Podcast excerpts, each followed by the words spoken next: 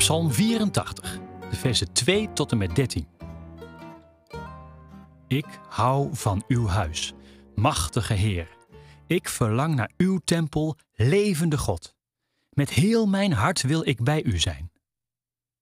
Machtige Heer, mijn koning, mijn God, zelfs mussen wonen in uw tempel. Zwaluwen maken een nest bij uw altaar. Ze zorgen er voor hun jongen. Gelukkig zijn mensen die wonen in uw huis, want zij kunnen u altijd danken. Gelukkig zijn mensen die verlangen naar u, want bij u vinden ze kracht. Als ze door droge velden lopen, worden die groen en fris. Uw regen laat alles weer groeien. Ze worden steeds sterker. Ze gaan door tot ze in Sion zijn. Daar zullen ze u ontmoeten, God. Heer, machtige God, hoor mijn gebed.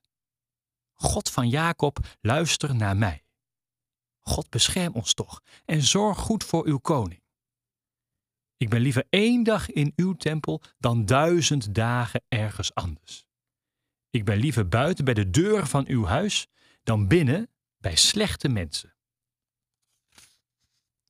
Heer onze God, u leidt ons, u beschermt ons, u bent goed voor ons, u maakt ons sterk. U geeft ons geluk als wij leven zoals u dat wilt. Machtige Heer, gelukkig zijn mensen die vertrouwen op u.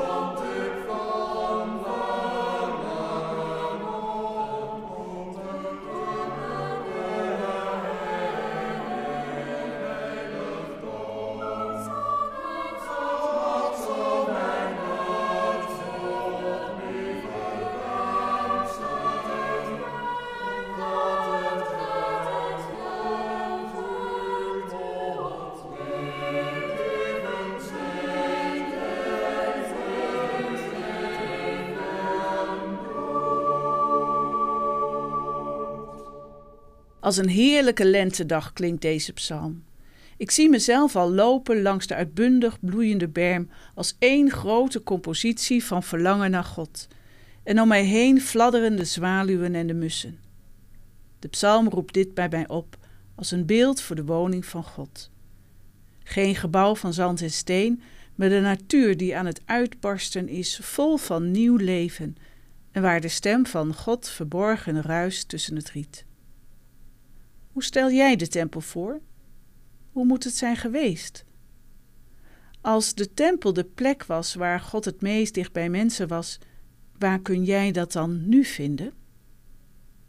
Veel mensen beantwoorden die vraag met dat ze dat vinden in de kerk en in het bijzonder in de kerkdienst, als er samen met anderen gezongen en gebeden wordt.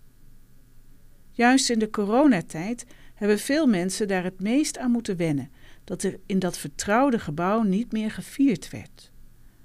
Waar moet je die ontmoeting dan vinden? Ik ontdekte de berm in de lente als zo'n plek. De natuur begon als het ware te spreken, het verhaal te vertellen van leven dat doorgaat, ook als er veel ziekte is. De andere plek waar ik me meer bewust van werd, is de ruimte in mijzelf. Je kunt het je hart noemen of je ziel. Aan het eind van het leven van Jezus belooft hij zijn leerlingen dat de geest van God in hen zal gaan wonen. De Vader en ik zullen bij je komen en voor altijd in jou aanwezig zijn. Zo bijzonder. Dus ergens in ieder van ons is er een plek waar God aanwezig is. Als ik erover nadenk, stel ik me ook die berm voor en een boom waaronder ik kan schuilen en een huis met heel veel kamers om me in te verstoppen of voor goede gesprekken, voor troost en hoop. Ik ben benieuwd hoe die plek er voor jou uitziet. Misschien helpt de psalm je wel een beetje op weg als een gebed vanuit verlangen om dicht bij God te zijn. Misschien komen de beelden dan wel vanzelf.